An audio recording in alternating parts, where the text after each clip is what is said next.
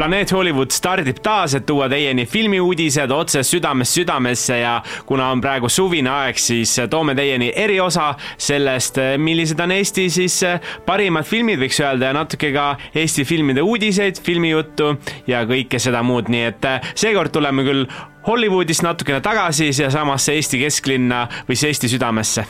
tere ka minu poolt ja noh Andri siin on natuke varasemalt ka rääkinud, et äh, minu puhul see Eesti filmide värk on nagu noh, see on niisugune raske teema. ma ei saa öelda, et ma vaatan neid väga tihti ja et ma fännan neid liiga palju, aga loomulikult on neid äh, hästi häid Eesti filme, millest no ei saa ka mina ümber ega äh, üle ja siin teemegi siis Andriga kahe peale kokku nädala naela ehk siis filmiarvustuse asemel kokku kuus Eesti filmi, mis on meie arvates parimad ja väärivad vaatamist. ja mis on meid kõige rohkem mõjutanud ja, ja tahakski, tahakski need teie ette tuua. siin on ka, saame väikest diskussiooni pidada, miks ja, ja mida, sellepärast et võib-olla kõikide asjadega me ei ole nõus, aga, aga seda lahedam on, ma tean, et Eesti filmidega on teistel ka sama.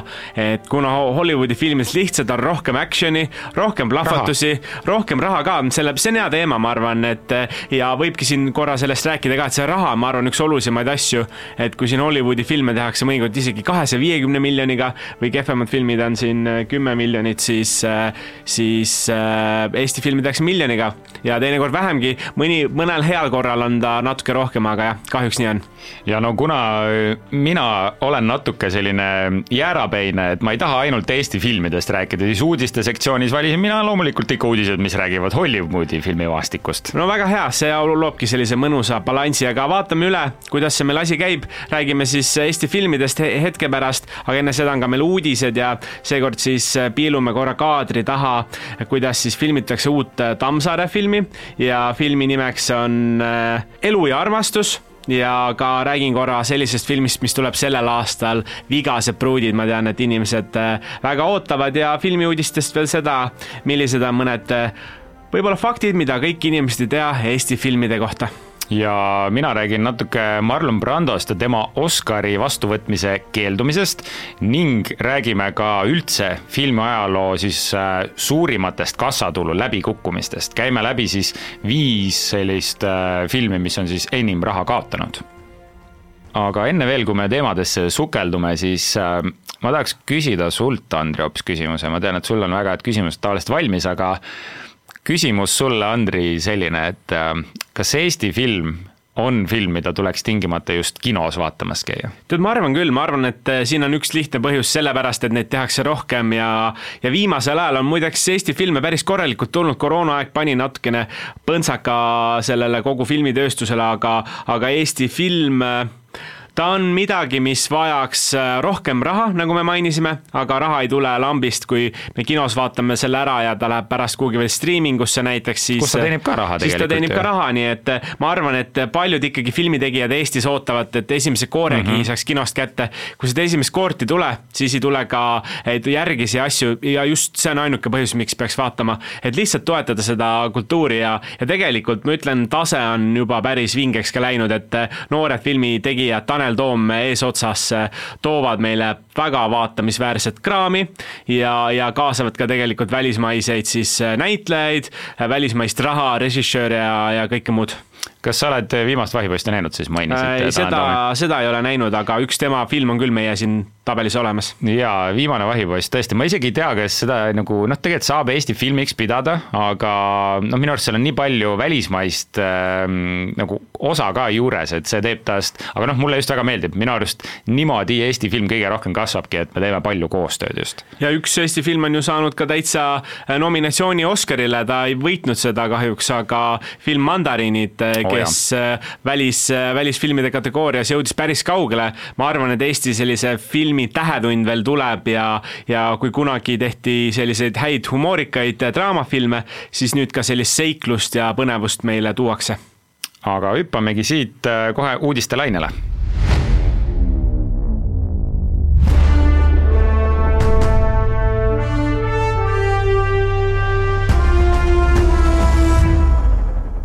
ja esimene uudis on äh, võib-olla selline vaade sellesse, mis äh, filmid on tulekul ja sellel aastal äh, üks selline film, mis on siis taaslavastus või taas tehtud vanemast materjalist. muidugi see on täiesti uus sisu, on Vigased pruudid ja see on tulemas meil aasta lõpus, see on ka, mida ma ootan, aga muidu Eduard Vilde samanimeline siis mängufilm, mis tuhat üheksasada kakskümmend üheksa tuli välja, et no peaaegu sada aastat tagasi.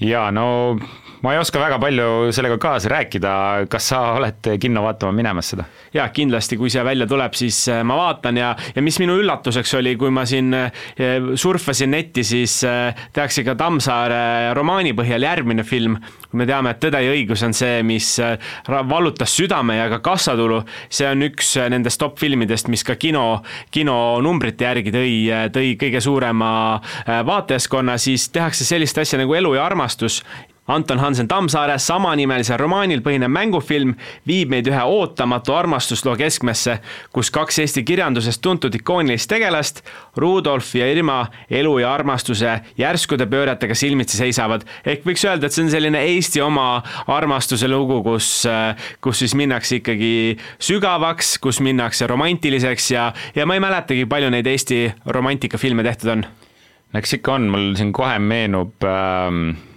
või ei meenugi. Raimond Valgre film, mis on ka Jupiteris üleval Georg. ja mul praegu lihtsalt äh, jookseb armastuskirjad, täiesti lõpp, mul läks niimoodi meelest ära see ähm, Need vanad armastuskirjad on see Eesti film, mida ma mõtlesin. Äh, no ei, no ikka, ikka on tehtud, aga no raske on meenutada, sest neid ei ole liiga palju. nii et seda me jääme ootama ja seal on näiteks peaosas Mait Malmsten, kelle, kelle pildid ja tegu on juba internetis üleval, temaga Kalevi filmis väga hea rolli tegi.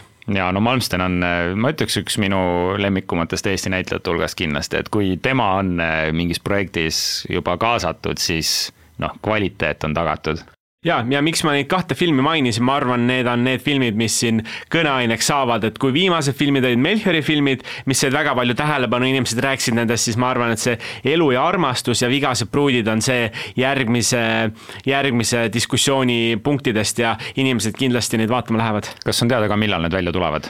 Äh, jaa, äh, ma tean, et Vigased pruudid on selle aasta sügisel, täpset kuupäeva ei oskagi praegu öelda, aga umbes sinna oktoobri kanti ja see Elu ja armastus, sinna läheb nüüd paar aastat aega, sellepärast et praegu just äh, võtted käivad ja, ja jah, et siis tõenäoliselt paari aasta jooksul on näha. kas on veel midagi siin nimekirjas Eesti filmidest, mis tulemas on? Eesti filmidest otseselt suuri ei ole välja kuulutatud, et siin on nüüd suur erinevus Eesti ja välismaaga, et välismaa filmidele antakse pikalt ette teada, et nüüd tulevad need ja need asjad ja Eesti filmidega natukene lugu kehvem, et nad tihtipeale kas siis muudavad plaane või lükkavad edasi, näiteks Melchiori filmidega oli ka, alguses pidi kõik äh, triloogia kolm filmi järjest tulema. no tulidki tegelikult mõnes mõttes. no jah, ei ja jaa, sellepärast et kolmas film lükati ikkagi üle poole aasta edasi, et et see Eesti aknad on hästi väikesed ja pigem nad tulevad üllatusena, et ah, midagi tehti ja midagi on, sellepärast need ka kaks filmi ma tahtsin välja tuua. ja hüppame siit äh, kohe üle tiigi sinna Hollywoodi maale ja tahtsin rääkida sellisest teemast, et võib-olla seda isegi nii väga uudiseks ei saa pidada, aga üks filmi ajaloo selliseid olulisemaid äh, või nagu meeldejäävamaid momente, siis ütleks, on see, et Marlon Brando siis keeldus Oscari vastuvõtmisest. no Oscarid ja nende sündmused on alati inimesi rääkima pannud ja üks suurimaid diskussioone ongi siis see, äh, kui Marlon Brando saatis enda asemel Sachin Littlefeatheri Oscarit vastu võtma.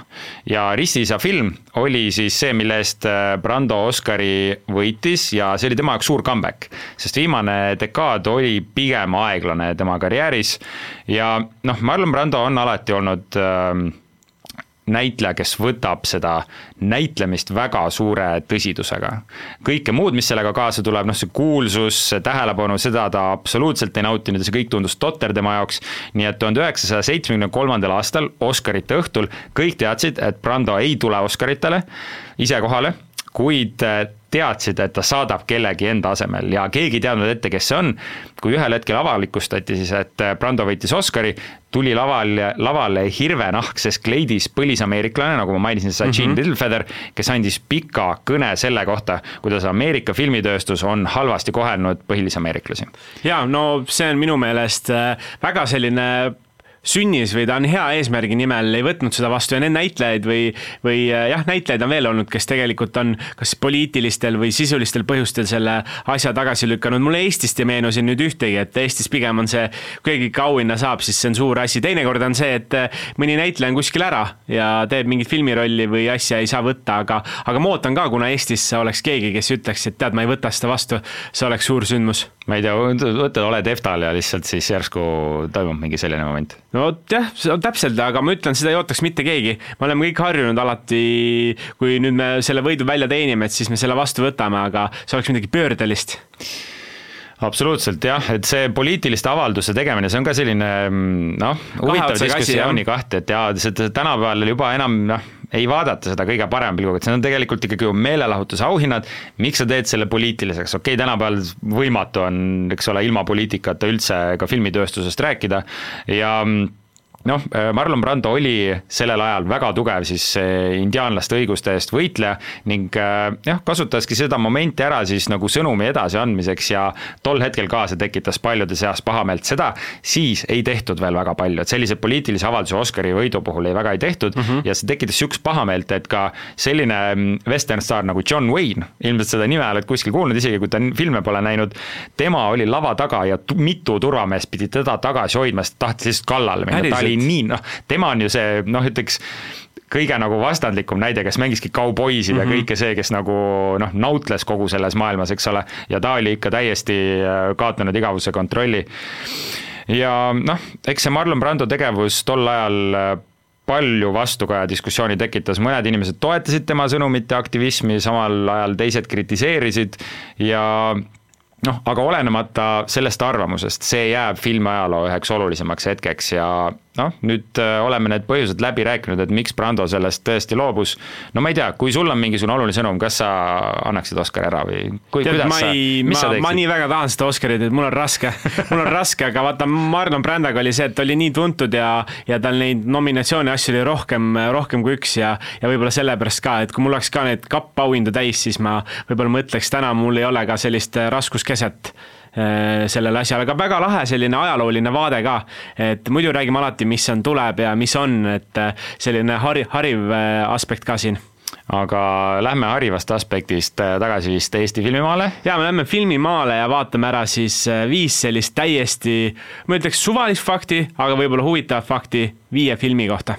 ja võib-olla mõned filmid on meil topis ka, ma ei hakka midagi ette ütlema, lihtsalt ütlen filmi ja selle fakti. esimene fakt on siis filmist Tõde ja õigus ja film on päris pikk, pea sinna kolm tundi ikkagi väntab ja kardeti, et rahvusvahelisel turul on see liiga pikk äh, film ja otsustati siis äh, rahvusvahelisele turule teha film kuusteist minutit lühem, sellepärast et äh, äkki kõiki näitlejaid ja asju niikuinii inimesed ei tea, teeme tempokamaks, nii et kui te vaatate kuskil mujal seda, siis te vaatate kuusteist minutit lühemat filmi huvitav, mis nad välja lõikasid sealt? vot seda, seda ma ei teagi, selle jaoks peaks täpselt mm -hmm. läbi vaatama ja võrdlema aga teine fakt on siis see, et filmist Nimed marmortahvlil ja me teame, et selline film Eesti kinodesse jõudis, see oli aastal siis äh, kaks tuhat üks äh, ja ta tõi omal ajal ikka üle saja viiekümne tuhande inimese kinno. sada kuuskümmend kaheksa tuhat täpselt, mis oli ka oma aja rekord, nüüd on see rekord purustatud ja tegelikult äh, Elmo Nüganen tahtis juba aastal üheksakümmend kuus seda filmi tootma hakata, aga ta ei saanud piisavalt raha kokku ja tal tegelikult oli eesmärk üheksakümne kaheksandaks aastaks see valmis saada, sellepärast et äh, siis oli Eesti Vabariigi kaheksakümnes sünnipäev, nii et läks tal natukene rohkem aega, aga filmi ta tõi ära ja üks legendaarsemaid filme see on. Ühe väikse mm, lihtsalt äh, näpuka ka, et kaks tuhat kaks. kaks tuhat kaks, täpselt, kaks tuhat üks äh, nad äh, hakkasid seda tootma ja kaks tuhat kaks sai valmis, täpselt nii. ja üks film, mis siin alles paar aastat tagasi tuli välja, Fred Jüssi Olemise ilu. Ja kui te vaatate seda, see on hästi selline looduslik, loominguline film, kus näeb ka väga palju siis selliseid lummavaid kaadreid. Ja mitte ainult kaadreid, vaid ka visu- või seda audiot ehk siis heli. Ja kui võiks arvata, et need heliasjad on salvestatud salvestatud siis alles hiljuti, siis heli tegelikult on salvestatud seal seitsmekümnendatel ja kaheksakümnendatel, ehk siis väga ammu tagasi ja need nüüd on toodud siia filmi. võimas. Päris äh,, ei olekski seda teadnud, et see audio pool niimoodi sinna juurde pandud on, ma ei ole ise filmi näinud, aga no ütleme, et tekitas küll huvi jaa, aga kui siit minna edasi ühe Eesti legendaarsema filmi juurde, milleks on Viimne reliikvia äh, ja seda filmiti siis kuuekümne üheksanda aasta suvel ja tegelikult siis äh, päris palju selliseid ootamatusi tuli ette, nimelt siis ühe osatäitja kleit läks põlema ja sellega oli korralik seal mässamine, siis üks kaskadöör murdis seal näiteks varba luu ära kukkudes, see oli ka omal ajal ikkagi suur asi, et kaskadööri trikid ja hobuse peal sõitmised ja nii edasi, nii edasi.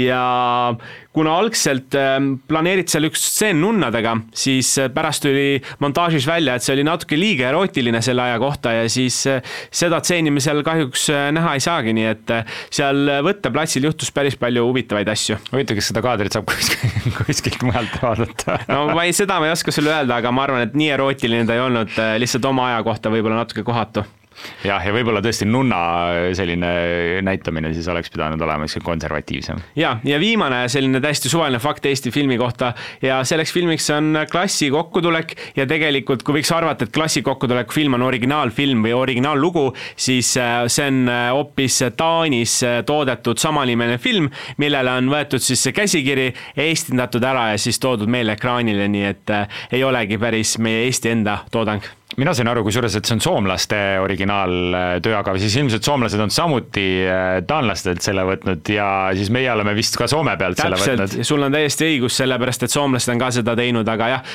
põhi, põhi on taanlastelt, siis soomlased, siis meie, võib-olla varsti ka lätlased äh, ühinevad meiega no ikka remake'id hakkavad ka Eestisse jõudma ja, või noh, on juba jõudnud, eks ole, et siin palju pannakse puid alla, et Hollywood teeb ju ainult äh, frantsiise ja siis uusversioone, aga, aga, aga ka meil. jah, ka meil ja kümne aasta pärast tuleb jälle uus klassitulek, kokkutuleku esimene osa tõenäoliselt.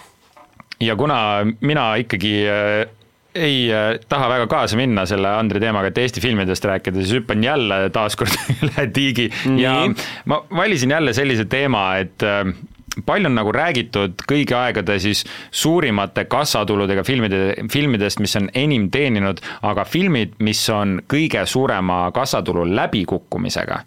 Nendest ei tea võib-olla päris paljud ja seal, ja seal on mõned filmid, millest äh, ka min-, noh, ma olen kuulnud nendest filmidest, aga mul polnud aimu ka, et nad nii kõrgel kohal on. ma teen ühe tumeda nalja ja see tume nali on see, et kas kõik Eesti filmid on seal wow.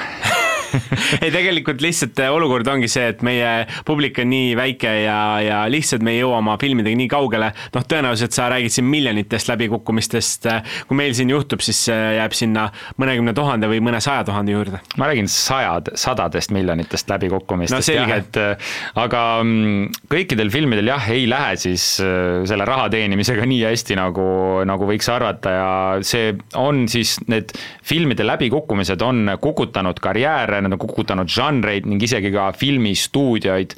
ja ma olengi välja valinud siis viis äh, filmi, mis on äh, suurimad läbikukkumised Hollywoodis olnud.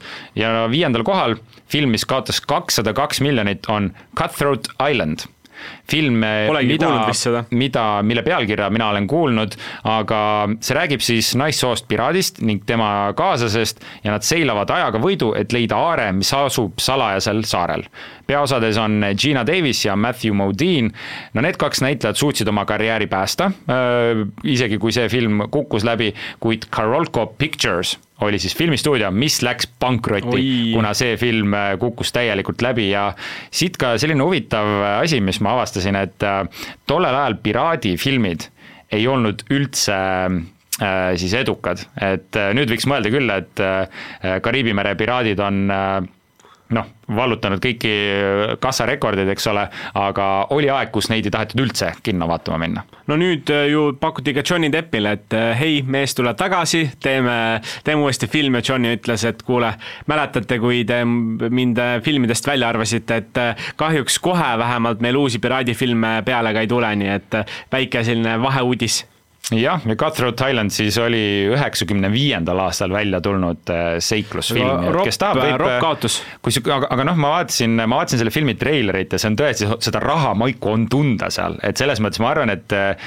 need filmid, vaata, need on väga alahinnatud filmid mm -hmm. sellel mhm. põhjusel, nad kukkusid läbi ka, et need tegelikult on väga head leiud, mida teinekord kellelegi soovitada. no nii, mis neljandal kohal on? neljandal kohal hiljutisem film, ma arvan, et võib-olla sina, Andri, käisid ka seda kinos vaatamas, mina kindlasti käisin, see film kaotas kakssada neli miljonit ja selleks on More Mortal Engines see on siis äh, kuulsal noorte täiskasvanute romaanil äh, põhinev film ja oli produtseeritud Peter Jacksoni poolt. no sellel oli päris hea cast, seal olid meeletult head efektid ja ka lugu oli hea, aga kahjuks publikut kinno ei toonud, et seal noh, see, see on lugu, mida on väga keeruline praegu kokku võtta, aga seal on sellist visuaalselt äh, sellist maailmalõpu teemat mm -hmm. ja mhm. natuke niisugust steampunkilikku äh, kuidagi visuaali seal sees. no ju ei köitnud siis, tead, mul on isegi, ma mäletan, see pealkiri on ülituttav, aga mm -hmm. saad aru, ma sisu üldse ei mäleta. et kuidagi nagu ei, ei kliki ära, et võib-olla ka on see, et ma ei ole seda näinud lihtsalt. jah, see oli kaks tuhat kaheksateist mhm. aastal, kui see välja tuli ja kusjuures see on väga hea point, sest et kui äh, äh, filmi sisu sulle meelde ei jää, on ju, noh, siis, siis see tegelikult ongi läbikukkumine ja äh, põhimõtteliselt jah, see tegevus toimub nagu mainisin, siis postapokalüptilises maailmas, kus äh, erinevad siis ühiskonnad ja sellised noh, nagu linnasi kui selliseid ei ole, on siis üks suur linn, mis liigub reaalselt ringi nagu -hmm. jalgade ja rataste peal ja selline nagu ja, ja okei okay., nüüd hakkab nagu midagi meenuma, kui sa mhm. neid märksõnu ütled, aga tõesti kuidagi, kuidagi südamesse ei jõudnud. jah, seal äh, ühed peaosalised oligi siis Hugo Weaving äh, kuulsamatest nimedest, Robert Sheenan tegi ja noh, ma ütleks, ma soovitaks seda filmi vaadata küll Nonii, mis kolmandal kohal? Kolmandal kohal Antonio Banderase film The Thirteenth Warrior ehk kolmeteistkümnes sõdalane, film, mis kaotas kakssada kakskümmend seitse miljonit dollarit ja ma võiksin äh, meile anda selle kakssada näiteks, et äh, ma oleks vabalt suudaksid hea filmi teha või? tead, see oleks päris lahe väljakutse, keegi ütleb, Andri ja Richard, ma annan teile kakssada miljonit, tehke ise mingi film. ma arvan, me saaksime hakkama, no ilmselgelt me natuke peame abi saama küsima. See on väga me peame natuke abi küsima mõnelt produtsendilt, et äh, siin saada võib-olla kuulsate Hollywoodi näitlejate näitlejate kontakte ja asju, aga kahesaja miljoniga Eesti film, no saab tehtud. tead, huvitav projekt oleks Klassi see, kus, kus tehaksegi sihuke, sihukene nagu võistlus või projekt, et näiteks valitakse täiesti suvaline inimene ja antakse talle kakssada miljonit ja sina oled selle filmi lavastaja. kõik nagu, sul on story'd, kõik asjad, aga sa pead nagu seda filmi lavastama. ja see, see, oleks nagu niisugune reklaamitrikina päris huvitav, väga kallis trikk. ma teen ära. väga teen, kallis okay, trikk. ma võtan selle aga..., võtan selle koorma enda õlgadele, tulge pakkuge, teeme ära. ma ütlen, need Eesti režissöörid, kes peaksid seda saadet praegu kuulama, ütlevad, et ma saaks hakkama ma arvan, et ei, kõik, saame hakkama, ma ei hakka kommenteerima seda pikemalt, aga, aga räägime sellest filmist. jaa, Thirteenth Warrior, see on siis Die Hardi lavastajalt John McTiernani poolt eepiline viikingifilm, nagu mainisin, Antonio Banderas peaosas, ja see on tänaseks saavutanud kultusfilmi maine, kuid aastal tuhat üheksasada üheksakümmend üheksa ei olnud see film piisavalt kutsuv publiku jaoks, ta oli, noh, mina olen näinud seda filmi paar korda, ta on väga tume ja sünge ning selline vanaaegne action film ja seal on tõesti väga äge karakteriarendus ja just see action ja kõik see, see on hästi mm -hmm. sihuke mehine, hästi sünge film, äh, mis kindlasti äh, väärib vaatamist, aga kahju, et see film tõesti läbi kukkus. Äh, tegelikult on, no ma, ma kutsukski seda väga alahinnatud filmiks. ma saan aru, et järgmine film on läbi kukkunud, jah? loomulikult, loomulikult teine koht, kakssada nelikümmend miljonit dollarit ja no seda filmi, ma arvan, on enamus meie kuulajad näinud. mina olen ka näinud Ranger. seda mm. -hmm. The Lone Ranger, kokku siis said piraadifilmide lavastaja ning staar Johnny Depp ja Gore Verbinski ning äh, noh, kõik eeldused järjekordseks hitki, hitiks olid olemas, et see on niisugune kerglaslik humoorikas vestern-seiklus, kuid film ei suutnud oma turundusega publikut kinno meelitada ja on tänaseni üks Disney suurimaid äh, läbikukkumisi. no kahju, mulle isegi, vaata nüüd on jällegi hea asi, ma ei mäleta sisu, aga ma mäletan, et ta mulle meeldis. ma ei mäletagi, mis osa sealt, aga ta oli nagu okei. okay et, et kahju, et ta nagu nii suurelt läbi kukkus, võib-olla ootus oli, ootus oli suur ja tegelikult eelarve oli ka võib-olla selle filmi kohta liiga, liiga priske. no just, vaata, taheti seda Uudsi piraate siit äh, teha, aga, aga see tõesti välja ei kukkunud ja no esimesel kohal, film, mis mulle väga meeldib, kakssada viiskümmend viis miljonit dollarit läks, samuti Disney film. mulle ka räigelt meeldib see. John Carter. jah, mulle väga meeldis see, ma see... mäletan, ma lootsin, et see tuleb teine osa ka, aga nüüd vaadates, kui palju see raha kaotas, siis äh, kahju, ei tulnud teist osa ja see jah, tõesti, film oli pikalt äh, produktsiooni ootel ja tegemist on Edgar Rice Burroughsi ähm, teosel põhineva ulme-eeposega ja see pidi olema väga ambitsioonikas triloog-, triloogia siis äh, Disneyle kahesaja kuuekümne viie miljoniline produktsiooni eelarve oli filmil ja see tegi sellest selle ajastu kõige kallima filmi. Taylor Kitsch oli seal peaosas ja näitleja, vot kes ei olnud selline suur staar nagu Johnny Depp, ei suutnud publikut kinno meelitada. kas sa arvad, et äkki see näitleja valik oligi see, mis üks põhjus, üks oli, põhjus kindlasti mm -hmm. ja, ja see oli tõesti nagu visuaalselt oli see no lummav, fantaasiafilm, mis, mille tegevus toimuski siis Marsil, kus John Carteri tegelane no ühtepidi sattus, no ma ei hakka seal äh, välja selgitama, ja no need tulnukad, need võitlused, kõik, mis seal toimus, see on film, mida ma olen nüüd vaadanud, ma arvan, juba umbes kümme korda ja ma iga kord ma olen vist mingi kaks või kolm korda, aga vot äh, praegu tekkis isu seda meie juttu kuulates, tekkis küll isu, et peaks uuesti üle vaatama ja minu arust sa ütlesid väga hea pointi, kui kõik need filmid kokku võtta, et see, et nad on läbi kukkunud, ei tähenda, et need ei võiks head olla. see võib-olla mõnikord tähendab, et ajastus polnud õige, äh, turundus oli kehva või mingi kolmas asi, et nad lihtsalt ilmselt äh, ebaõnnestusid, aga siit võib mõne pärli leida. Ja no ma ütleks, need kõik, äh, no ma ütleks, ma arvan, et selles nimekirjas võib-olla Lone Ranger tundub mulle niisugusem kõige, kõige pehmem nendest, aga mm, -hmm. aga jah, äh, selline oli siis viis suurimat läbikukkumist Hollywoodi ajaloos. Jaa, aga lähme siis nädala naelani ja nädala naelaks on siis, mõlemad oleme valinud kolm Eesti filmi, mis on meie arvates meie lemmikud ja räägime, miks need on meie lemmikud ja soovitame ka teil vaadata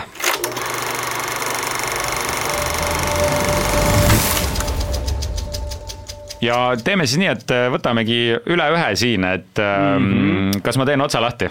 tee otsa lahti ja mis äh, sinu jaoks oli selline, no sinu top kolme mahtus ära, mis film? jaa, no film, mida me täna ei ole maininud ja või mis võib-olla on kõige veidram valik siin nimekirjas. miks veider? See on Vasaku jala reede ah, Vasaku jala reede või? kas see oli see, kus Ott Lepland tegi ka esimese filmi rolli, ma mäletan, saad aru, sellest filmist mul ei ole palju meeles, kui see, et Ott Lepland tantsis seal klubis kuidagi. ta mängis sellist äh, no, võib-olla jah, toitud natuke ja see just, oli mega naljakas. ja Andres Kõpper ja Arun Tamme, no tõesti fantastiline meelelahutuslik must komöödia. Äh, kahe tuhande kaheteistkümnendal aastal film tuli välja peaosas Priit Loog, Arun Tamm, Arun, Arun Tamm ja Ott Lepland, kes mängivad siis äh, noormehi, kes tahavad no ühe mõnusa reede veeta õlut jootes, õlut juues ja tutvudes naistega, kuid satuvad ohtlike sündmuste keerisesse, millesse on põimunud maffia, kohalikud narkomaanid ning rikkurite võsukesed. no see on niisugune väga kaootiline ja ka lõbus film, mis on häbitult meelelahutuslik, miks just minu jaoks see film nii eriline on. ja ta laenab väga julgelt erinevatelt kuulsatelt režissööridelt, nagu noh, seal on tunda Guy Ritchie mõjutusi, seal on tunda Tarantinot ja ka palju teisi jaa, ja minu meelest minu film, mis ma välja valisin, mis ma ütleks, võib-olla on mu äh, läbi aegade kõige lemmikum film ja teema on kuidagi väga sarnane. mitte ka Eesti film siis üleüldse läbi aegade või? ei, ei, ei, ikka Eesti film on Päevad, mis ajasid segadusse mm. ja ma loen ka kohe selle kirjelduse, aga lühidalt ta on selline üheksakümnendate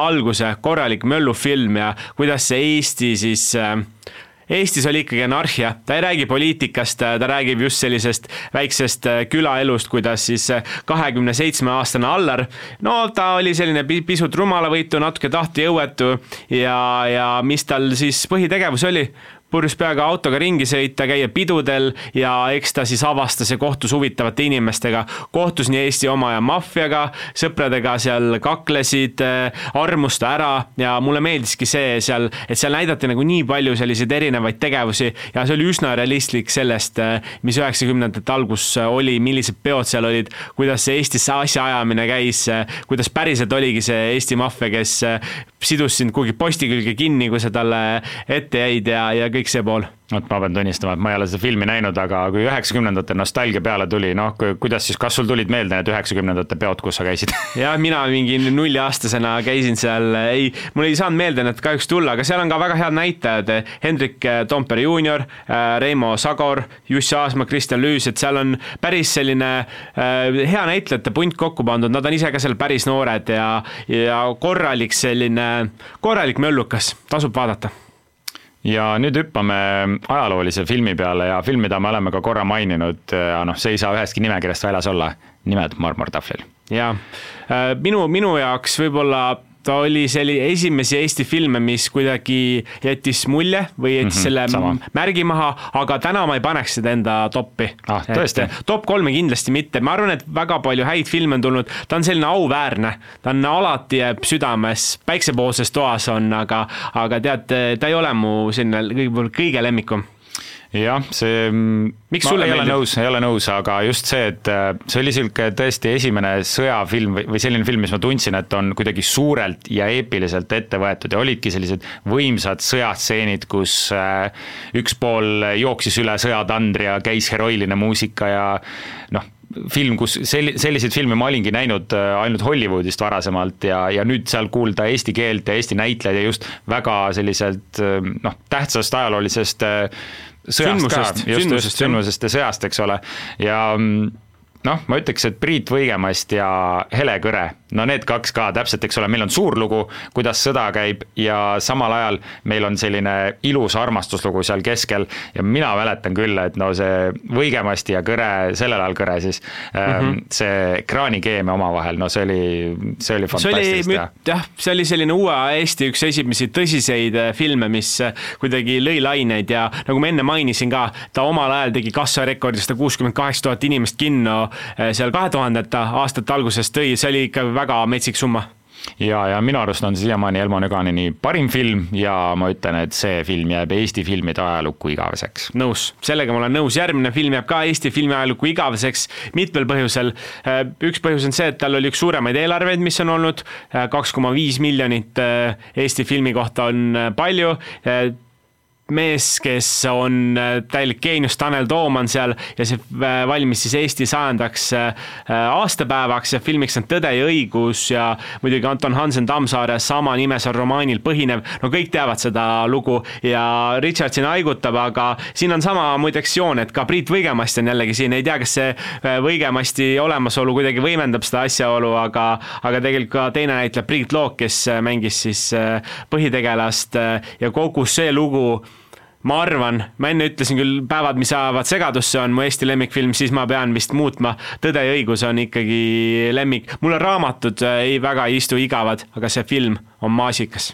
No see film on äh, tehniliselt ja teostuse poole pealt tõesti parim Eesti film, aga noh, mul on ka see, et mind sunniti koolis lugema neid raamatuid ja see oli üks mitte väga põnev lugemine, ütlen siis lihtsalt viisakalt nii, aga ja just see trauma oli mulle külge jäänud ja kui ma nägin seda filmi kinos ja seda lugu, eks ole, siis no mul mind ei haaranud see lugu. Ja, ja ma tean ja ma, ja ma tean, et see on nagu Eesti kultuuripärl ja see on osaks ja see noh tead see..., mulle ei meeldigi sellepärast, et ta on Eesti kultuuri pärl, vaid ma ütlen, mul raamatud nagu üldse ei äh, istu.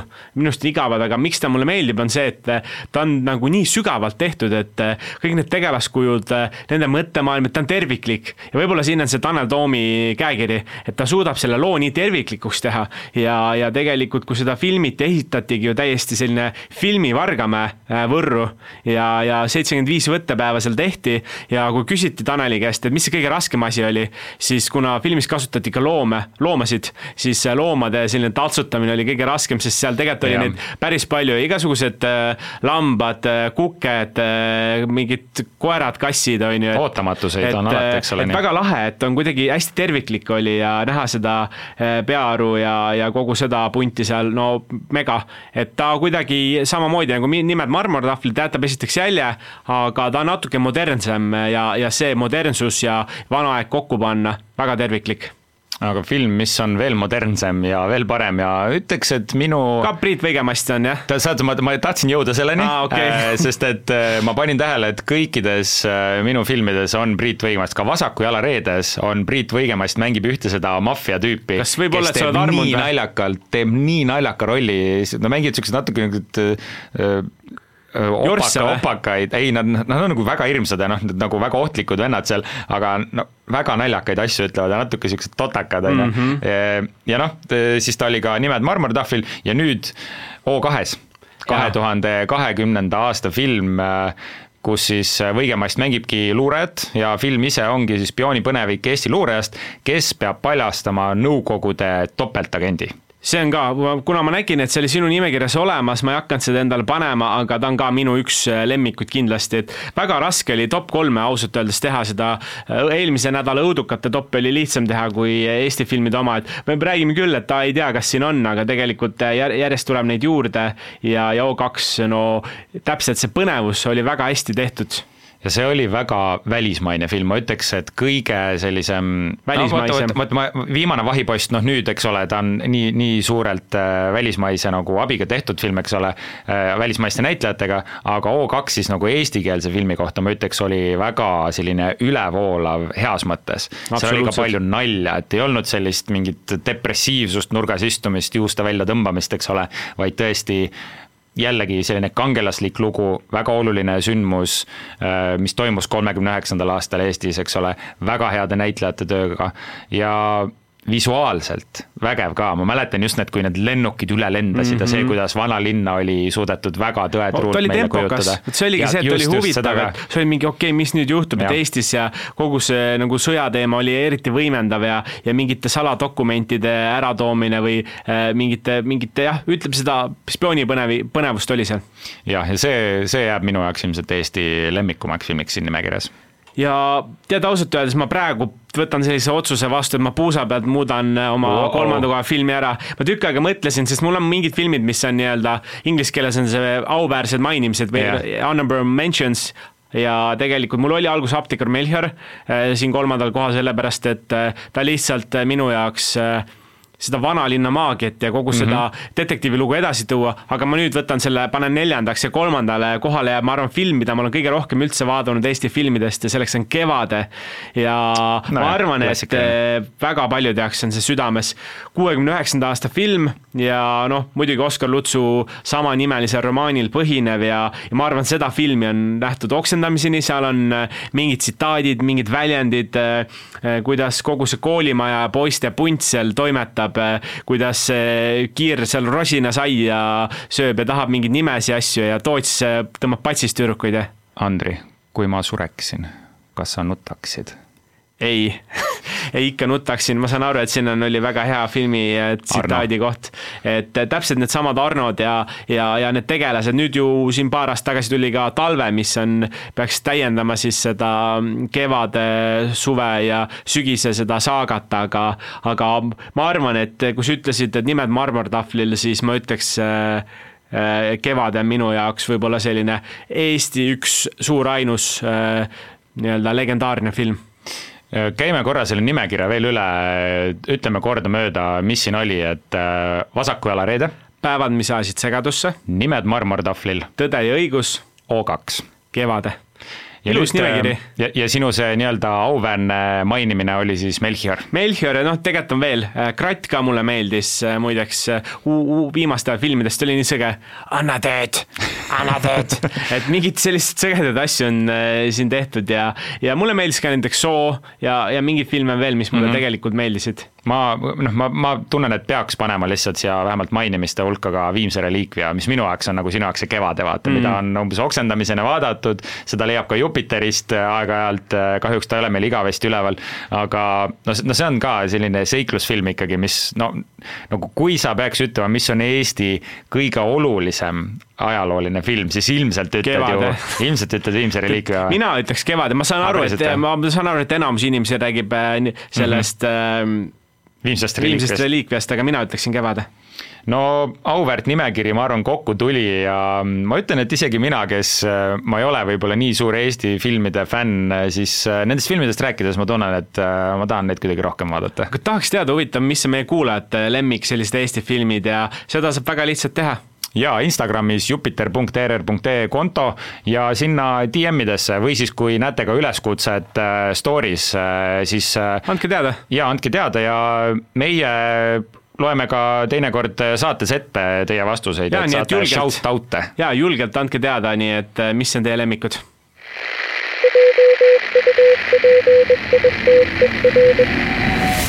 ja nädala najal ongi selleks korraks kokku võetud, astume nüüd Jupiteri nurka. Ja, ja sellel korral on siis täiesti midagi uut, kui tavaliselt räägib Jupiteri nurgast Richard, siis seekord ma lihtsalt ei teinud seda. Ei noh, sa tegid, aga sa andsid mulle selle võimaluse seda teha sinu eest ja, ja kuna Eesti filmid mulle meeldivad, siis ma mõtlesin, ma valin kaks, kaks väga head Eesti filmi, mis ma arvan, meeldiksid kõigile. Ja esimene film on selline natuke võib-olla tundub, et äkki lastele suunatud, aga mina olen seda oksendamiseni vaadanud, kahe tuhande viienda aasta film ja Rööv Röövlirahnu Martin. Hmm.. Oled näinud? ei ei ole näinud või? okei okay,, aga tead, miks, miks see mulle meeldib, sest esiteks see on väga lõbus, seal mängib Ott Sepp mängib mhm. kassi mm,. ma tean seda filmi. Ott Sepp mängib kassi ma ja see on selline noortefilm, kus, kus siis selline kohanemisraskustega poiss Martin äh, läheb emaga uude kohta elama ja ta on väga selline suvine lugu, ta on lõbus lugu, aga Martinil on selline värk, et äh, ta lihtsalt satub igale poole jamadesse ja, ja talle tulebki appi selline tegelane nagu kass, Nitro ja tegelikult seda siis mängibki Ott Sepp ja, ja koos nad hakkavad seal seiklusi tegema, seal on ka muidugi armastuslugu, Martinile hakkab siis koolidirektori tütar Marta meeldima ja muidugi seal ka vastas on äh, kooli kõige popim poiss Kevin ja kogu see dünaamika ja värk, ma arvan, et jah, see on lastefilmidest üks nendest, mida ma olen kõige rohkem vaadanud ja mis on lihtsalt niivõrd lõbus. Äh, selle kassi nimi on vist Nitram. Nitram, jah ja ma kuulsin, sa ütlesid Nitro.